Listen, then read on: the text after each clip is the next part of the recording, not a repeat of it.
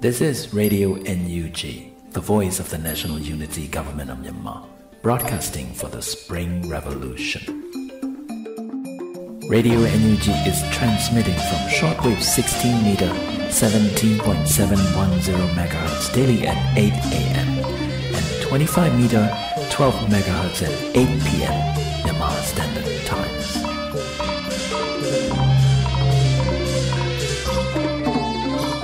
ဂလာပါခင်ဗျာအမျိုးသားညီညွတ်ရေးအစိုးရရဲ့အသံလွှင့်ဌာန Radio NUG ကိုမနေ့၈နိုင်မှာ flight meter 16 meter 19.87 MHz ညဘက်မှာ flight meter 25 meter 12 MHz တို့မှာတိုက်ရိုက်ဖမ်းယူနားဆင်နိုင်ပါပြီမင်္ဂလာအပေါင်းနဲ့ပြည့်စုံကြပါစေခုချိန်ကစပြီး Radio NUG အစီအစဉ်လေးကိုဓာတ်ရိုက်အသံလွှင့်ပေးနေပါပြီ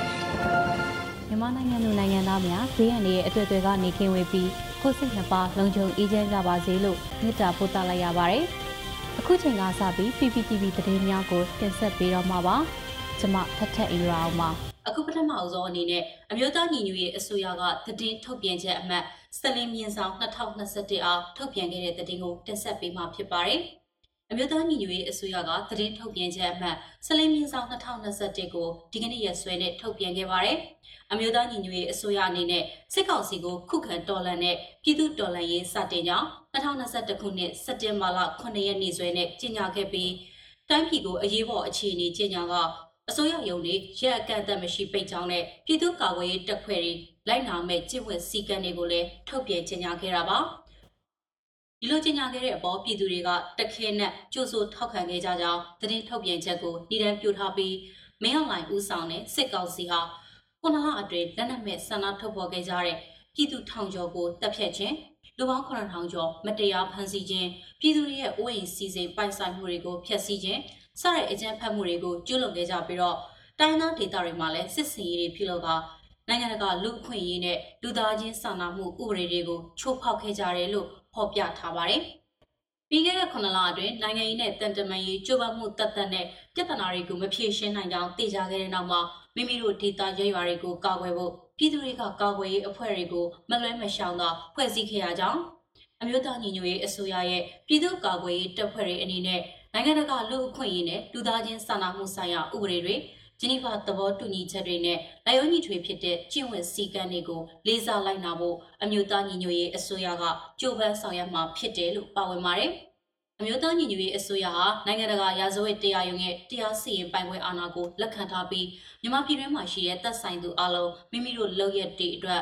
ရောမသဘောတူညီချက်နဲ့အညီတာဝန်ခံရမှာဖြစ်တယ်လို့ဆိုပါတယ်။အမျိုးသားညီညွတ်ရေးအစိုးရဟာပြည်တွင်းစစ်နဲ့လက်ရှိအကြက်တဲတွေရဲ့အခြေခံအကြောင်းတရားဖြစ်တဲ့စစ်ကောင်စီကိုဖယ်ရှားဖို့ကြိုးပမ်းနေခြင်းဖြစ်ပြီးပြည်သူ့ကာကွယ်ရေးတပ်ဖွဲ့တွေဟာအနာဂတ်မှာအကောင့်ထဲပေါ်မဲ့လုံခြုံရေးကဏ္ဍပြုပြင်ပြောင်းလဲရေးနဲ့ နိုင်ငံတကာဥပဒေကိုလေးစားလိုက်နာတဲ့ပြည်သူလူထုကိုကာကွယ်တဲ့ Federal တပ်မတော်ဖွဲ့စည်းရေးမှာအရေးကြီးတဲ့အခမ်းကဏ္ဍကနေပါဝင်ရမှာဖြစ်ပြီးအနာဂတ် Federal Democracy ပြည်ထောင်စုရဲ့အယက်သားအုပ်ချုပ်မှုအောက်မှာအမှုထမ်းမှာဖြစ်တယ်လို့ဖော်ပြထားပါတယ်။စစ်ကောင်စီလောက်ခံတပ်ဖွဲ့တွေအနေနဲ့ပြည်သူလူထုနဲ့ပူးပေါင်းမှုနဲ့ပူးပေါင်းလာသူတွေရဲ့မိသားစုလုံခြုံရေးကိုအောင်မခံပြီးတာဝန်ဆက်လက်ထမ်းဆောင်လို့ရင်လည်းစီမံဆောင်ရွက်ပေးမယ်လို့ပါရှိပါတယ်။ နိုင်ငံတကာအတိုင်းအဝိုင်းရဲ့ကုညီဆောင်ရွက်ပေးမှုတွေကိုအတိအမှတ်ပြုပေမဲ့ရက်ဆက်ကြမ်းကြုတ်လာတဲ့စစ်ကောင်စီရဲ့တိုက်ခိုက်မှုတွေကနေမြန်မာပြည်သူလူထုကိုကုညီကာကွယ်ပေးရန်နိုင်ငံတကာအတိုင်းအဝိုင်းကိုအောက်ကိုလို့မရတော့ဘဲတမျိုးသားလုံးစုစည်းညီညွတ်မှုစုပေါင်းဆောင်ရွက်မှုတို့သာလျှင်စစ်ကောင်စီရဲ့အာဏာသိမ်းရန်ကြိုးပမ်းမှုနဲ့မတည်ငြိမ်မှုတွေကိုအဆုံးသတ်နိုင်မယ်ဆိုတာသိသာထင်ရှားနေပြီဖြစ်ကြောင်းဖော်ပြထားပါတယ်။ငြိမ်းချမ်းစွာဆန္ဒပြမှုတွေကိုတည်စေနိုင်တဲ့လက်နက်တွေအလွန်မင်းအင်အားသုံးဖြိုခွဲခဲ့မှုတွေက လူငယ်တွေကိုမိမိကိုယ်ကိုခုခံဖို့တွန်းပို့ခဲ့တယ်လို့ပြည်သူတွေကနိုင်ငံတော်ဝန်လုံးမှာခုခံရေးအဖွဲ့တွေဖွဲ့စည်းပြီးခုခံတွန်းလှန်မှုတွေစတင်နေကြပြီဖြစ်ပါတယ်။တိုင်နာလက်နက်ကိုင်တော်လှန်ရေးအင်အားစုတွေကလည်းမိမိတို့နယ်မြေတွေကျူးကျော်ထိုးဖောက်ဝင်ရောက်ပြီးရဲရတွေကိုတိုက်ခိုက်လာနေတဲ့စစ်ကောင်စီတပ်ဖွဲ့တွေကိုခုခံတော်လှန်ရန်ပြင်ဆင်နေကြပြီဖြစ်ပါတယ်။ ပြည်သူ့ကာကွယ်ရေးတပ်ဖွဲ့တွေအနေနဲ့လည်းတိုင်းရင်းသားလက်နက်ကိုင်တော်လှန်ရေးအင်အားစုတွေနဲ့အတူပူးပေါင်းလက်တွဲပြီးခုခံတော်လှန်သွားရန်ပြင်ဆင်နေကြပြီဖြစ်ပါတယ်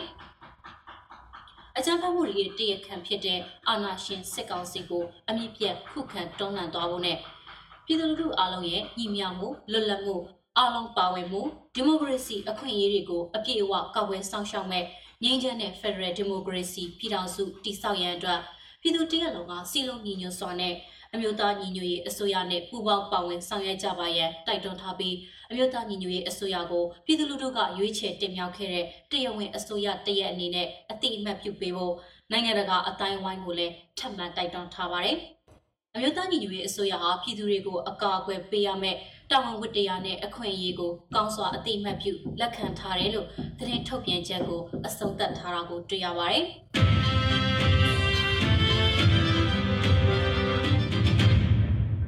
ဆက်လက်ပြီးတော့ပြည်သူတွေရဲ့အင်အားနဲ့စစ်ကောင်စီပြုတ်ကြရေးကိုဆက်လက်လှုပ်ဆောင်ဖို့တာမတ်ကြီးဦးကျော်မိုးထွန်းတိုက်တွန်းပြောကြားခဲ့တဲ့သတင်းကိုဆက်လက်တင်ဆက်ပေးပါမယ်။ဒီနွေဦးတော်လိုင်းဟာပြည်သူလူထုကအ धिक ဖြစ်ပြီးပြည်သူတွေရဲ့အင်အားနဲ့သာစစ်ကောင်စီပြုတ်ကြရေးကိုဆက်လက်လှုပ်ဆောင်ရမယ်လို့ကုလသမဂ္ဂဆိုင်ရာမြန်မာတပ်အမတ်ကြီးဦးကျော်မိုးထွန်းကမနေ့ကပြောပါရယ်။နယူးယောက်မြို့မှာရှိတဲ့ကုလသမဂ္ဂဌာနချုပ်ရုံးရှိမှာအမေရိကန်ရောက်မြန်မာပြည်ပွားတိုင်းရင်းသားတွေက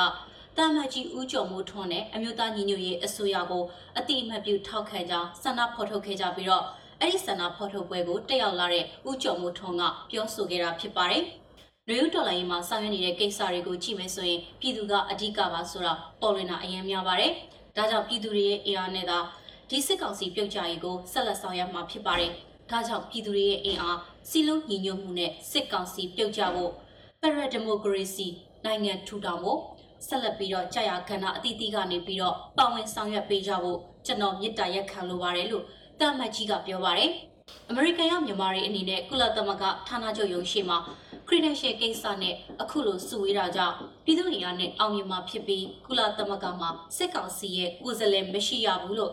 တာမတ်ကြီးဦးကျော်မိုးထွန်းကအာမခံပြောကြားခဲ့ပါတယ်။ဒါ့အပြင်စော့စော့ဇာဇာနဲ့အနေအထားကအလုပ်လုပ်နေကြတဲ့ CRPH, NUG, PDF အပါအဝင်နှွေးတော်လှန်ရေးမှာပါဝင်နေသူတွေအထောက်အပံ့ပြုနေသူတွေအားလုံးကိုလေးစားဂုဏ်ယူကြောင်းလဲတပ်အမတ်ကြီးကထည့်သွင်းပြောကြားသွားပါတယ်။ကုလသမဂ္ဂကတပ်အမတ်ကြီးဦးကျော်မိုးထွန်းကိုလက်ခံဖို့နဲ့အမျိုးသားညီညွတ်ရေးအစိုးရ NUG ကိုအတိအမှတ်ပြုဖို့ကမ္ဘာတဝန်းမှာပြည်ပရောက်မြန်မာတွေကတောင်းဆိုဆန္ဒဖော်ထုတ်ခဲ့ကြပါတယ်။ကမ္ဘာလုံးဆိုင်ရာမြန်မာနွေဦးတော်လှန်ရေးကမ္ဘာလုံးဆိုင်ရာတန်တမန်ရေးရာတိုက်ပွဲအတွက်အွန်လိုင်းတပိတ်စတဲ့လှုပ်ရှားမှုတွေနဲ့စက်တင်ဘာလ10ရက်နေ့ကစတင်ပြီး အမေရိကန်ပြည်ထောင်ဩစတြေးလျဂျပန်ကနေဒါအိုင်ယာလန်ဘယ်ဂျီယံဂျာမနီအီတလီဒိန်းမတ်နယ်သာလန်ဖင်လန်နယူးဇီလန်အစ္စရေးစတဲ့နိုင်ငံတွေရဲ့မြို့ကြီးတွေမှာမြန်မာပြည်ပွားတိုင်းရင်းသားတွေဆီယနာသိမ့်မှုကိုလက်မခံကြောင်းဆန္ဒထုတ်ပေါ်ခဲ့ကြတာဖြစ်ပါတယ်။အလားတူပြည်တွင်းမှာလည်းအနေနဲ့အရကပြည်သူတွေဟာဆီယနာရှင်စနစ်ကိုစန့်ကျင်ကြောင်းနဲ့ကုလသမဂ္ဂဆိုင်ရာမြန်မာတပ်အမတ်ကြီးဦးကျော်မိုးထွန်းကိုထောက်ခံပြီး သူ့ကိုပဲဆက်လက်ခံဖို့အတွက်တောင်းဆိုဆန္ဒပြခဲ့ကြပါတယ်။86ကြိမ်မြောက်ကုလသမဂ္ဂအထွေထွေညီလာခံဟာစက်တင်ဘာ14ရက်မှာစတင်မှာဖြစ်ပြီးအမျိုးသားညီညွတ်ရေးအစိုးရ NUG ကမြန်မာပြည်သူတွေနဲ့တပ်သားတွေရက်တည်နေတဲ့လက်ရှိတံမတ်ကြီးဦးကျော်မိုးထွန်းကိုကိုယ်စားလှယ်အဖြစ်ဆက်လက်ခံထားဖို့တင်သွင်းထားတာဖြစ်ပါတယ်။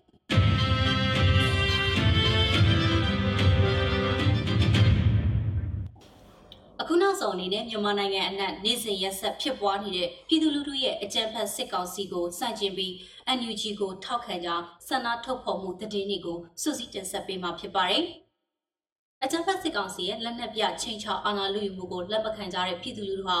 သူတို့ရဲ့သဘောဆန္ဒတွေကိုအသက်ကိုပဓာနာမထားဘဲနေ့စဉ်ရက်ဆက်ဆန္ဒဖော်ထုတ်လျက်ရှိကြတာပါ။ဒီကနေ့စက်တင်ဘာလ23ရက်နေ့မှာတော့စကိုင်းတိုင်းဝက်လက်မြို့နယ်မှာကျောင်းသားလူငယ် ပြည်သူဝန်ထမ်းပါဝင်တဲ့ဆရာနာရှင်စနစ်စန့်ကျင်ကြောင်းနဲ့ NUG အစိုးရအားထောက်ခံကြောင်းအင်အားအပြည့်ချီတက်ဆန္ဒပြခဲ့ကြတယ်လို့သိရပါတယ်။စာလင်းကြီးမြို့နယ်လက်ပံတောင်အုပ်စုတော်ချောင်းရွာကလည်းအကြမ်းဖက်စစ်ကောင်စီဖက်စစ်စစ်တပ်တော်လှန်ရေးပြည်သူတွေဦးဆောင်ကချီတက်ဆန္ဒပြခဲ့ကြပါတယ်။မ န္တလေးမှာအောင်မြေတာဆန်ပညာရေးကျောင်းပေါင်းစုံတပိတ်စစ်ကျောင်းကလည်းတပိပန်းတွေကင်ဆောင်ပြီးဆရာနာရှင်အမြင့်ပြတ်ကြဆုံးရေးကြွေးကြော်ချီတက်ဆန္ဒပြခဲ့ကြသလိုတနင်္လာရီတိုင်းဒဝဲမြို့နယ်တော်လန်တက်ကြွကျောင်းသားပြည်သူတွေဟာဆရာနာရှင်ဖြုတ်ချရေး အမျိုးသားညီညွတ်ရေးအစိုးရ NUG ကိုအတိအမှတ်ပြုရေးကြွေးကြော်ဆန္ဒပြခဲ့ကြပါတယ်။မြို့ပြတိုက်ပွဲတွေအတွက်မကြောင်မီရောက်လာတော့မဲ့ပြည်သူဘက်တော်သား PDF တွေကိုကြိုးစိုးဂုဏ်ပြုတဲ့အနေနဲ့အောင်းတပြေကက်တီကန်ဆောင်ကအာနာရှင်စန့်ကျင်ရေးအောက်ပြည်တာဆန်ပညာရေးကျောင်းပေါင်းစုံတပိတ်စစ်ကြောင်းချစ်တက်ခဲ့ကြပါတယ်။မန္တလေးမြို့အမှတ်7ရဲစခန်းနီးခင်စောမှုဂုံဒရာထိပ်မှာလဲတခင်မျိုးဟိဒုဗမှာစစ်ကြုံဘဝကရုံထားကြဆိုတဲ့ပိုစတာချိတ်ဆွဲပြီး မန္တလေးမြို့တက်ကြွလှုပ်ရှားသူလူငယ်တစုကဆန္ဒရှင်စနစ်ချေမုံရေးဆန္ဒပြခဲ့ကြပါတယ်။မန္တလေးတပိတ်စစ်ကြောင်းနေဖြစ်တဲ့စက်မှုစုပေါင်းတပိတ်စစ်ကြောင်းမန္တလာတက္ကသိုလ်ကျောင်းသူကျောင်းသားများတပိတ်စစ်ကြောင်းစိန်ပန်းတပိတ်စစ်ကြောင်းမြတောင်တပိတ်စစ်ကြောင်းအရန်ကြီးတဲ့ချမ်းစီတပိတ်စစ်ကြောင်းတို့ဟာလည်းဆရာနာဂျူးတွေကိုဖြုတ်ချဖို့လူထုတပိတ်တိုက်ပွဲအဖြစ်စုပေါင်းချီတက်ခဲ့ကြတယ်လို့သိရပါတ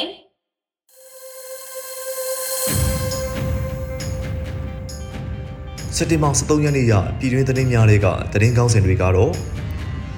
ရန်ကုန်တိုင်းဒေသကြီးတာကီတာမြို့နယ်အနော်မာတိရပ်ကွက်အတွင်းစစ်ကောင်စီမှပြည်သူ10ဦးထပ်မံဖမ်းဆီးသွားတဲ့တဲ့ရှမ်းပြည်အရှေ့ပိုင်းကျိုင်းလူမျိုးမှာကိုဗစ်ကူးစက်နှုန်းတနည်းတခြားမြင့်တက်နေတဲ့တဲ့စကိုင်းတိုင်းရွှေဘိုမြို့နယ်ညောင်ကိုင်းရွာမှာစစ်တပ်ကလူနေအိမ်တွေဖျက်ဆီးပြီးတရွာလုံးထွက်ပြေးနေရတဲ့တဲ့ ကံကောကလေးလာတိုက်ပွဲကြောင့်ပိတ်မိနေတဲ့ခီးသွားခြင်းများပြန်လည်ခီးဆက်ခွင့်ရတဲ့တဲ့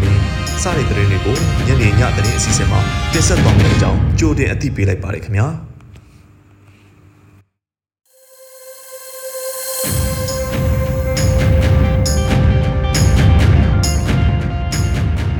ကာကွယ်ဝင်ကြီးဌာနအမျိုးသားညီညွတ်ရေးအစိုးရကထုတ်ဝေတဲ့နေ့စဉ်စစ်ရေးသတင်းချုပ်ကိုတင်ဆက်ပေးပါမယ်။ယခုစစ်ရေးသတင်းချုပ်ဟာ နေပြည်သတင်းတာဝန်ခံများနဲ့သတင်းဌာနများကဖော်ပြလာတဲ့အချက်အလက်များပေါ်အခြေခံပြီးပြုစုထားခြင်းဖြစ်ပါတယ်။စစ်ကောင်စီနဲ့တိုက်ပွဲဖြစ်ပွားမှုသတင်းအနေနဲ့ကတော့မကွေးတိုင်းမှာစက်တင်ဘာလ17ရက်ည2နာရီခန့်ကစတင်ပြီးမကွေးတိုင်းဂံကောမြို့နယ်မင်းရွာရဲစခန်းကို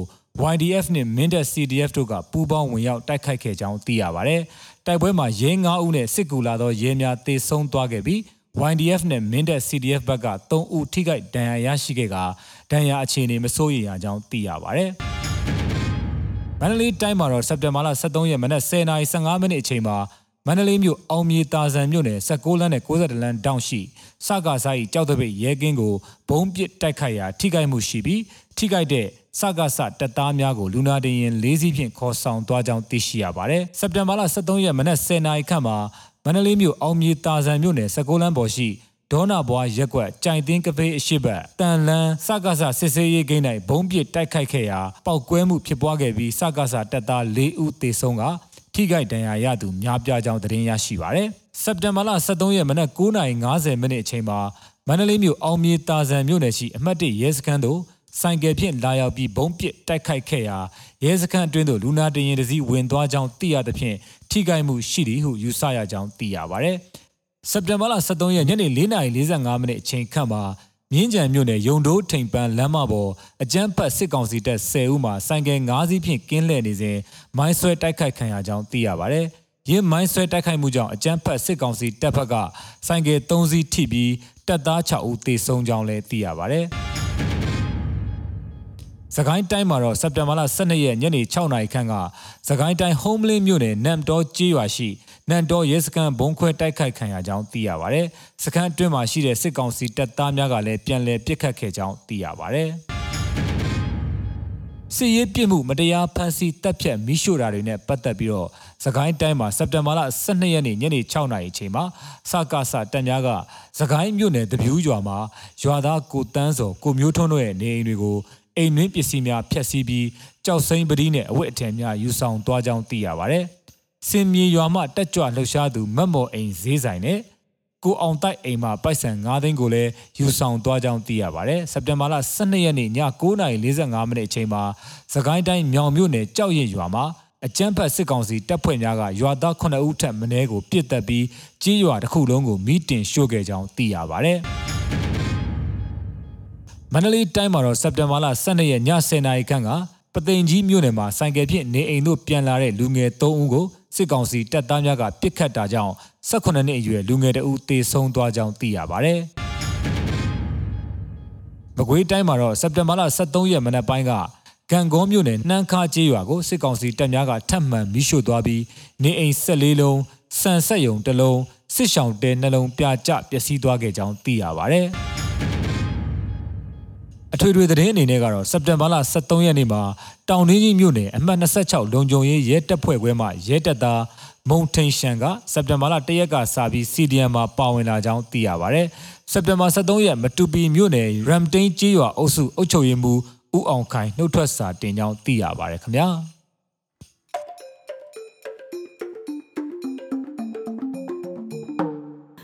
Radio NUG မှာဆက်လက်တန်လွှင့်နေပါတယ်။ အခုဆက်လက်ပြီးပြည်သူတွေကိုအားပေးထားတဲ့တခြင်းတစ်ပုတ်ဖြစ်တဲ့ငါတို့မှာငါတို့ရှိတယ်ဆိုတဲ့တခြင်းလေးကိုနားဆင်ရမှာပဲဖြစ်ပါတယ်ရှင်။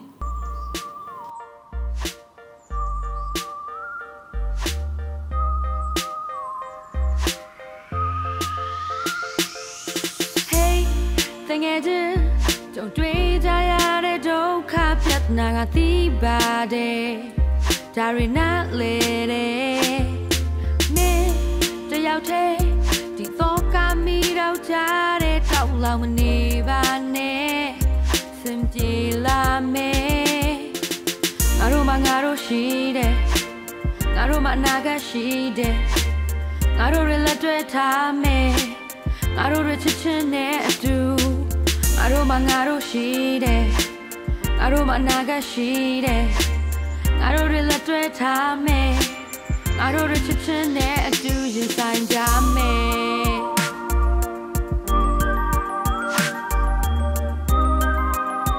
Yeah, uh, yeah, uh, come on, yes I'm a hate အဆုံးသက်တဲ့နေနေချီပြည်သူမှာပြည်သူပဲရှိမမုန်းတဲ့တရွေ့ရွေ့ချီ brighter စိတ်တပြင်းနဲ့ဦးဆန်ဆွေးမြေပြီးနိုင်ငံကြီးပြန်လက်ကျမ်းမလာဖို့ထူးမှန်လေးပေးသည်လာမီဘေးလဲပြေးတွေ့သည်ပြက်ကတဲ့ရလာနဲ့တပြေးပြေးစီထင်းချောင်းတွေစီးလိုက်ဆိုချိုးမရတဲ့ပုံမြင်ကိုပြန်တွေးပေးချီမနေခွေသည်မနှက်ဖက်နေနေကြီးပြကနှွေးထွေးနီငါတို့မှငါတို့ပဲရှိသင်းလုံးနဲ့မတေပါနဲ့ please လုံးရင်ယူပို့ရင်လှူတဲ့ချစ်စရာစင်လာလက်ရှိပြစ်တင်တဲ့မြေဟာလွဲကြီးပြောင်းနဲ့တောက်ချင်းတာမျက်ရှိဂျားတဲ့ကသွေးကိုစကားတွေနားရင်ထားပါစင်သားမျက်သတိပြည်သူမှပြည်သူပဲရှိဘသူတွေဘယ်လိုပြက်စီအချို့ကတကယ်ကိုရှမ်းရှိတော်မီလောင်လို့လက်မောင်းခတ်သည်ဂိမ်းဆိုင်တဲ့ချိန်တဲ့အခါသွေးကြွေးတွေကိုပြန်ပြီးဆက်ပြီးတဲဘော်တွေတက်ညီလက်ညီနေသူတွေကိုထပ်ပြီးဆက်ပြီးယုံကန်နေရတဲ့ဒီမုန်တိုင်းကြီးနေတော့ပြီးဆုံးသွားမယ်မပူပါနဲ့လေပြရောက်လာမယ်အတင်းမရှိစစုခေ လနေပြလလနေတော့ရောက်မယ်ပန်းနိုင်မဟုတ်တာတေးကြတယ်ငါတို့မှငါတို့ရှိတယ်ငါတို့မှနာခဲ့ရှိတယ်နာခဲ့ရှိငါတို့လည်းတွေ့ထားမယ်ဒီထွဲငါတို့လည်းချစ်ချင်းနဲ့တူငါတို့မှငါတို့ရှိတယ်ငါတို့မှနာခဲ့ရှိတယ်ငါတို့လည်းတွေ့ထားမယ်ငါတို့လည်းချစ်ချင်းနဲ့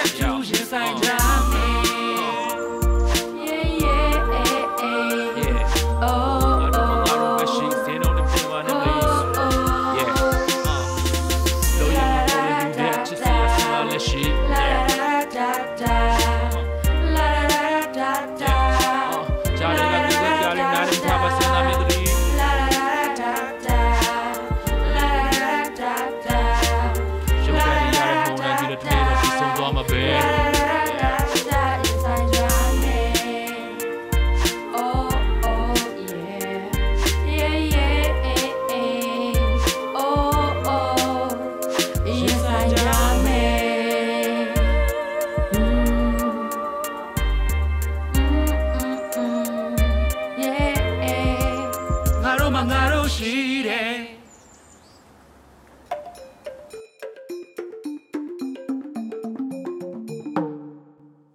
ရေဒီယို NUG မှာဆက်လက်တန်လွှင့်နေပါတယ်။အခုဆက်လက်ပြီးပြည်သူလူထုကျန်းမာရေးကဏ္ဍအတွက်ကိုဗစ်လူနာအတွက်နေ့စဉ်နေထိုင်မှုပုံသဏ္ဍာန်ကိုဒေါက်တာကျော်ကျော်ကပြောပြပေးတော့မှာဖြစ်ပါတယ်ရှင်။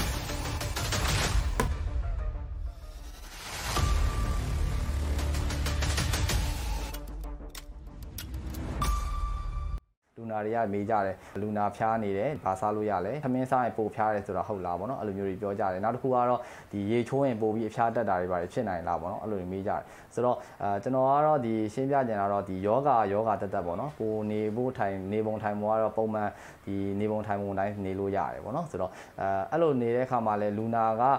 ပြင်းထန်တဲ့လက္ခဏာရှိတဲ့လူတွေပေါ့နော်အရန်မောနေတာတို့ပြီးနောက်တစ်ခုကအသက်အရွယ်ဒီကြီးတဲ့လူကိုကားမကောင်းတဲ့လူကတော့ဒီနှစ်ပတ်လောက်ကိုတော့ကျွန်တော်တို့ကနားနားနေနေပဲနေစီနေတယ်ကိုလက်လောက်ရှာမှုတွေပါကျွန်တော်ကမလုပ်ချင်မလုပ်စေချင်ဘူးပေါ့နော်ဆိုတော့အကယ်၍ရေချိုးမဲ့ရေလုံးဝရေချိုးကန်းတွေပါသွားမဲ့စားဒီလူကြီးတွေကကျတော့ဒီအသက်အရွယ်ကြီးတဲ့လူတွေဆိုရင်တော့ရေဘတ်တိုက်ပေးတာတွေပေါ့ကျွန်တော်လုပ်ပေးလို့ရတယ်ရေချိုးလို့အဖျားတက်တာတွေပါတွေတော့မဖြစ်နိုင်ဘူးပေါ့နော်နောက်တစ်ခုကကျတော့ဒီစားတာတောက်တာပေါ့နော်စားတာတောက်တာဆိုတဲ့နေရာမှာဒီအားရှိတဲ့အစားအစာအကုန်စားပေးလို့ရတယ်ထမင်းလဲစားလို့ရတယ်ဒီကျွန်တော်တို့စီးကြိုတွေဘာတွေမရှိဘူးပေါ့နော်ဒီလူကြီးစီးကြိုမရှိတဲ့လူတွေမှာဆိုရင်တော့အစာအစာအစာအကုန်စားလို့ရတယ်အသီးရများများစားပေးရမယ်နောက်တစ်ခုက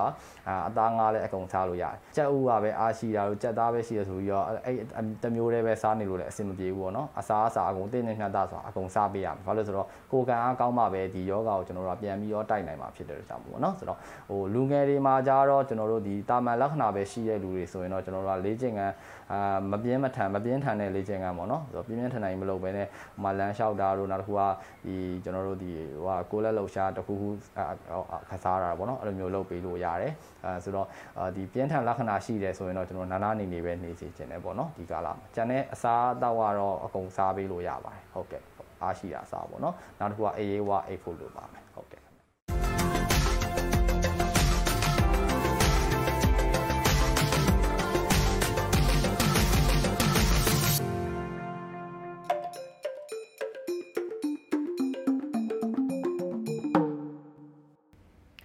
ဆက်လက်ပြီးစက်တင်ဘာလ12ရက်နေ့ရက်စွဲဖြင့်မိုးမခမီဒီယာကတင်ဆက်ထားတဲ့မြန်မာပြည်မှာစစ်တပ်အာဏာသိမ်းပြီးခုနလ12ရက်မြောက်နေ့မြင်ကွင်းသို့မဟုတ်နောက်ထပ်ရေးဆိုင်ရမယ့်ဒီဒေးဆိုတဲ့ဆောင်းပါးကိုတင်ဆက်ပေးပါမယ်ရှင်။ကျမຫນွေဦးနှင်းစီပါ။ဒီကနေ့စက်တင်ဘာလ12ရက်နေ့အနောက်ကဘာချမ်းစံတော်ချိန်မှာမြမအရေးလှုပ်ရှားသူတွေနိုင်ငံတကာချီတက်ဆန္ဒပြထုတ်ဖော်မှုကြီးအကြီးအကျယ်လုပ်ကြတယ်။ဆန်ဖရန်နယူးယောက်နဲ့တခြားမြို့ရွာတွေမှာလူတွေရာထောင်ချီပြီးစုဝေးချီတက်ကြ ဆိုင်းပုတ်ကိုင်းတောင်းဆိုကြတယ်။စက်တင်ဘာလ14ရက်နေ့မှာစတင်မဲ့ကုလအထွေထွေညီလာခံကနေမြန်မာလူထုထောက်ခံတဲ့အမျိုးသားညီညွတ်ရေးအစိုးရရဲ့ကိုယ်စားလှယ်အဖြစ်ဦးကျော်မိုးထွန်းကိုဆက်လက်အသိမှတ်ပြုရေးကုလနိုင်ငံများကိုတောင်းဆိုဆန္ဒပြနေကြတာဖြစ်ပါတယ်။မြန်မာတွေကအကျယ်လောင်ဆုံးကြွေးကြော်ဟစ်အော်ဆန္ဒပြနေပေမဲ့လည်းနိုင်ငံတကာအစိုးရတွေထက်ကတချို့တလေကအခုချိန်ထိတိတ်တဆိတ်ပဲ NUG ကိုထောက်ခံကြောင်းပြောပါသေးတယ်။အခုတော့စက်တင်ဘာလ14ရက်နောက်ပိုင်းဆိုအဖြေပေါ်တော့မှာဖြစ်ပါတယ်။ လက်ရှိကုလသမဂ္ဂမှာ85ကြိမ်မြောက်ညီလာခံက2020ခုနှစ်စက်တင်ဘာလ9ရက်နေ့ကစတင်ခဲ့ပြီး2021ခုနှစ်စက်တင်ဘာလ23ရက်နေ့မှာတက်တန်းကုန်ဆုံးပါမယ်။86ကြိမ်မြောက်အထွေထွေညီလာခံက2021ခုနှစ်စက်တင်ဘာလ14ရက်နေ့အင်္ဂါနေ့မှာစတင်မှာဖြစ်ပြီး2022ခုနှစ်စက်တင်ဘာလ12ရက်နေ့အထိတစ်နှစ်ကြာမြင့်မှာဖြစ်ပါတယ်။ ကုလသမဂ္ဂအထွေထွေညီလာခံမှာမြန်မာနိုင်ငံကိုကိုစားပြုခွင့်ရရှိရေးအတွက်မိအွန်လိုင်းခေါင်းဆောင်တဲ့ဖက်စစ်အုပ်စုနဲ့ NUG လို့ခေါ်တဲ့အမျိုးသားညီညွတ်ရေးအစိုးရတို့ကအမေရိကန်ပြည်ထောင်စုနယူးယောက်မြို့တော်မှာအပြင်းထန်ရှင်ပြိုင်ကြတော့မှာဖြစ်ပါတယ်။ပြည်တွင်းမှာဖက်စစ်အုပ်စုကိုအမြင့်ဖြတ်ဖို့ NUG ကဆင်နွှဲနေတဲ့စစ်ရေးဒီဒေးလို့ပြည်ပမှာလည်းနယူးယောက်မြို့တော်မှာအခြေစိုက်တဲ့ကုလသမဂ္ဂဆိုတဲ့ကမ္ဘာနိုင်ငံပေါင်းစုံပါဝင်တဲ့အဖွဲ့အစည်းကနေစစ်အုပ်စုကိုညှင်းပယ်မောင်းထုတ်ဖို့ NUG က UNDD ဆင်နွှဲရတော့မှာဖြစ်ပါတယ်။ Credential Challenge Campaign လို့လူတွေအများသိကြတယ်။ကုလသမဂ္ဂထွေထွေညီလာခံတက်ရောက်ခွင့်ရရှိရေးတန်တမန်ရေးရာတိုက်ပွဲကြီးဖြစ်ပါတယ်။စက်တင်ဘာလ9မှာ NUG အစိုးရကမင်းအောင်လှိုင်စစ်ကောင်စီကိုဒီဒေးကျညာပြီးအရေးပေါ်ချီနေတရထုတ်ပြန်တရားဝင်စစ်ကျညာထားပြီးဖြစ်ပါတယ်။အဲ့ဒီနောက်မှာပြည်တွင်းစစ်ဟာမြို့ပေါ်ကိုကြေးရွာမှာပါကျေပြက်များပြားနေပါတယ်။ဒီအချိန်မှာ UN မှာ NUG အစိုးရကိုယ်စားလှယ်အသိမှတ်ပြုဆက်လက်ခံယူပြီးနိုင်ငံတကာအသိမှတ်ပြုမှုရရှိရေးကလည်းအလွန်အရေးပါတယ်လို့ဆိုနိုင်ပါတယ်။ NUG အစိုးရအဖွဲ့ဝင်တချို့အလွတ်တဘောပြောတာကတော့ UN မှာအသိမှတ်ပြုသည်ဖြစ်စေမပြုသည်ဖြစ်စေမြန်မာပြည်သူလူထုရဲ့ထောက်ခံအားပေးမှုကူညီဝန်းရံမှုကအရှိန်အဟုန်နဲ့တည်ရှိနေစေမို့အရေးတော်ပုံအောင်ကိုအောင်ရမယ်ဖြစ်တယ်လို့ဆိုပါတယ်။ခုနလလုံးလုံးဝမ်းနေတယ်စိုးရိမ်တယ် စိတ်ပူတယ်ကလွဲလို့ဘာမှထိထိရောက်ရောက်နဲ့အကြမ်းဖက်ခံနေရတဲ့ပြည်သူတွေဘက်ကရက်တီဖို့ပြက်ကွက်နေတဲ့နိုင်ငံတကာအစိုးရတွေကုလလိုအဖွဲ့အစည်းတွေစီကနေတိတ်ပြီးမျှော်လင့်ချက်မထားကြတာကလည်းလက်ခံနိုင်တဲ့အကြောင်းပြချက်ဖြစ်ပါတယ်။နိုင်ငံရေးနည်းကိုစစ်ရေးနည်းကိုပါတရားဝင်ကင်ဆွဲပြီးတိုက်ပွဲဝင်နေပြီဖြစ်တဲ့ NUG အစိုးရနဲ့ထောက်ခံသူပြည်သူတွေအတွက်ကတော့ကုလဆုံးဖြတ်ချက်တွေညီလာခံထုတ်ပြန်ချက်တွေကအရင်တုန်းကလိုတိတ်ပြီးရင်ခုန်စရာရှိတော့မှာမဟုတ်ဘူးထင်ပါတယ်။ responsible to protest မြန်မာ way မြန်မာပြည်မြန်မာဟန်နဲ့ R2B ကိုမြန်မာတွေကရွေးထားလိုက်ပြီးမို့မြန်မာပြည်ရဲ့ຫນွေဦးတော်လန်ရေးအင်အားစုတွေကရှေ့တိုးပြီးရင်ဆိုင်ကြဖို့ပဲရှိပါတယ်။တလောကယုံကြည်ချက်ခြေတလန်ကန်ဆယ်မဲလက်မှတ်ရောင်းပြီး NUG ရဲ့ကာကွယ်ရေးဝန်ကြီးဌာနကိုလှူကြဖို့ဒေါ်လာ9သန်းထက်ကျော်လွန်ပြီး9သန်းနီးပါးတောင်ရထားပြီးပြီမဟုတ်လား။စီရေးစေးကမြန်မာပြည်အရေးအတွက် လစဉ်ဒေါ်လာတန်း20လောက်ကိုလိုနိုင်တယ်လို့ຫນွေဦးဒေါ်လာရဲ့စာပိုင်တုန်းက NUG ပြည်ထောင်ရေးဝန်ကြီးဦးလွင်ကိုလက်ကပြောဖူးပါတယ်။နှစ်ပတ်သုံးပတ်နဲ့ငွေ6တန်းကျော်ရှာနိုင်တဲ့အလူကန်တွေရဲ့ဆက်လက်အားထုတ်မှုတွေနဲ့တလတန်း20ဆိုတာမဖြစ်နိုင်ဘူးလို့မပြောနိုင်ပါဘူး။လူတို့ရဲ့လစဉ်ထဲ့ဝင်ငွေဟာတလတန်း20ဆိုတာဖြစ်နိုင်တယ်လို့ဆိုရပါမယ်။မြန်မာပြည်ကလက်နက်ကင်တပ်ဖွဲ့ပေါင်းစုံနဲ့ PDF တွေကို ပြည်တွင်းပြည်ပကလှူဒန်းတဲ့ငွေကြေးဟာအလိုများပြနိုင်တယ်ဆိုတာခက်မှန်းကြည့်နိုင်ပါတယ်။ချင်းတိုင်းရင်းသားများရဲ့အလှူခံပွဲတစ်ခု Saffron Bay Area ကမြန်မာ One Community Center မှာဒီစနေနေ့မှာပြုလုပ်ကြတော့ချင်းတိုင်းရင်းသားလူငယ်ခေါင်းဆောင်တို့ကသူတို့ချင်း PDF တွေအတွက်စုပေါင်းလှူဒန်းနေကြတာဒေါ်လာ9သန်းကနေ10သန်းနီးပါးရှိနေပြီလို့ပြောသွားတာကြားသိလိုက်ရပါသေးတယ်။သူတို့ချင်းတိုင်းသားတွေကတယောက်ကိုတလဒေါ်လာ90တော့အနည်းဆုံးထည့်ပြီးထောက်ခံနေကြတယ်လို့သူကပြောပါတယ်။ မြန်မာပြည်သူပြည်ပရောက်တသိန်းလောက်ကတလဒေါ်လာပြည့်မြထက်ကြရဲဆိုရင်တော့တလကိုဒေါ်လာတသိန်းတော့အနည်းဆုံးရရှိနိုင်ပါတယ်။တကယ်ကသူတို့ပြည့်မြအလူငွေဟာလက်ရှိအလူခံရနှုံးတဲ့အတွက်ကြည့်ရင်လူတသိန်းမှာတယောက်ကိုအနည်းဆုံး90ဒေါ်လာတော့ရှိပါတယ်။တလကိုဒေါ်လာ9သန်းကအဖက်ဖက်ကနေအနည်းဆုံး local PDF တွေ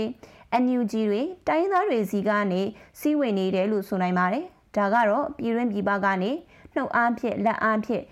ထောက်ခံအားပေးနေကြသူတွေရဲ့အင်အားကိုခန့်မှန်းပြတာဖြစ်ပါတယ်။ပြည်ပမှာ NUG ကိုကုလသမဂ္ဂအသိမှတ်ပြုရေးအတွက်လှုပ်ရှားမှုတွေဆက်တိုက်လှုပ်ဆောင်နေချိန်မှာပြည်တွင်းမှာတော့စက်တင်ဘာလ9ရက်နေ့နောက်ပိုင်းမြို့နယ်တွေမှာဒေသကာကွယ်ရေးတပ် PDF တွေနဲ့စစ်ကောင်စီတပ်တွေတိုက်ပွဲအရှိန်မြင့်နေတဲ့တဲ့တွေမြို့တွေနယ်တွေမှာဘုံပေါက်ကွဲမှုတွေသတင်းပေးတွေလို့တန်တရားရှိသူဆွဆွဲခံရသူတွေကိုလှုပ်ကြံတပ်ဖြတ်မှုတွေနေ့စဉ်ရက်ဆက်ဖြစ်ပွားနေစေဖြစ်ပါတယ်။ မနေ့ကနဲ့ဒီနေ့ဆိုကလေးနဲ့ကန့်ကောကားလန်အနီးကျေးရွာတွေကိုစစ်ကောင်စီတပ်ကမိရှို့တာကျေးရွာကာကွယ်ရေးတပ်ဖွဲ့ဝင်တွေလို့တန်တရားရှိသူတွေကိုတပ်ဖြတ်တာဖမ်းဆီးညှင်းဆဲတာတွေလှုပ်ဆောင်နေတဲ့သတင်းတွေဆက်တိုက်ပေါ်ထွက်နေစေဖြစ်ပါတယ်။နှမ်းခါရွာမြင်းသားရွာလင်းသာရွာအစရှိတဲ့ကျေးရွာတွေကနေအိမ်တွေကိုမိရှို့ခံရတာကျေးရွာသားတွေအသက်ခံရတာတွေအခုရက်ပိုင်းဆက်တိုက်ဆိုသလိုဖြစ်ပေါ်နေတာဖြစ်ပါတယ်။ချင်းပြည်နယ်ထန်တလန်မြို့ထဲ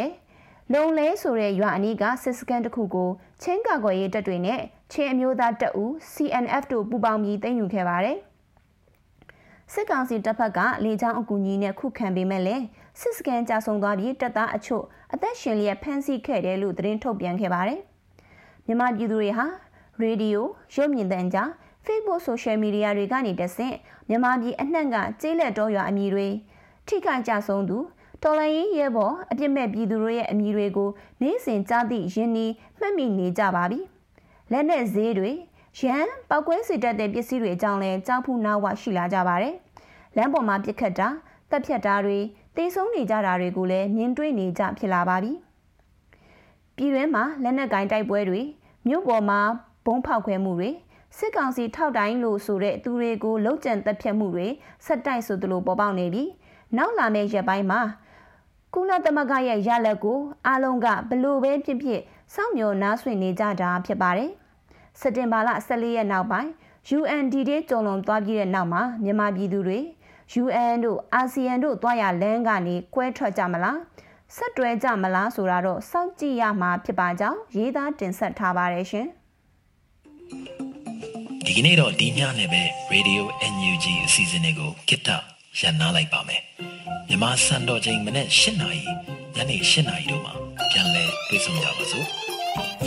Radio NUG ကိုမနေ့၈နာရီမှာ flight meter 16 meter 19.87 MHz ညဘက်မှာ flight meter 25 meter 12 MHz တို့မှာတိုက်ရိုက်ဖမ်းယူနားဆင်နိုင်ပါပြီမြန်မာနိုင်ငံသူနိုင်ငံသားများကိုစိတ်နှပြချမ်းမာချမ်းသာလို့ဘေးကင်းလုံခြုံကြပါစေလို့ Radio NUG အဖွဲ့သူအဖွဲ့သားများဆုတောင်းပေးလိုက်ပါတယ်။အမျိုးသားညီညွတ်ရေးအစိုးရရဲ့ဆက်သွယ်ရေးသတင်းအချက်အလက်နဲ့ဤပညာဝန်ကြီးဌာနကထုတ်လွှင့်နေတဲ့ Radio NUG ဖြစ်ပါတယ်။ San Francisco Bay Area ခြေဆိုင်မြန်မာမိသားစုများနဲ့နိုင်ငံတကာကစေတနာရှင်များလှူအားပေးများရဲ့ Radio NUG ဖြစ်ပါတယ်။အရေးတော်ပုံအောင်ရမည်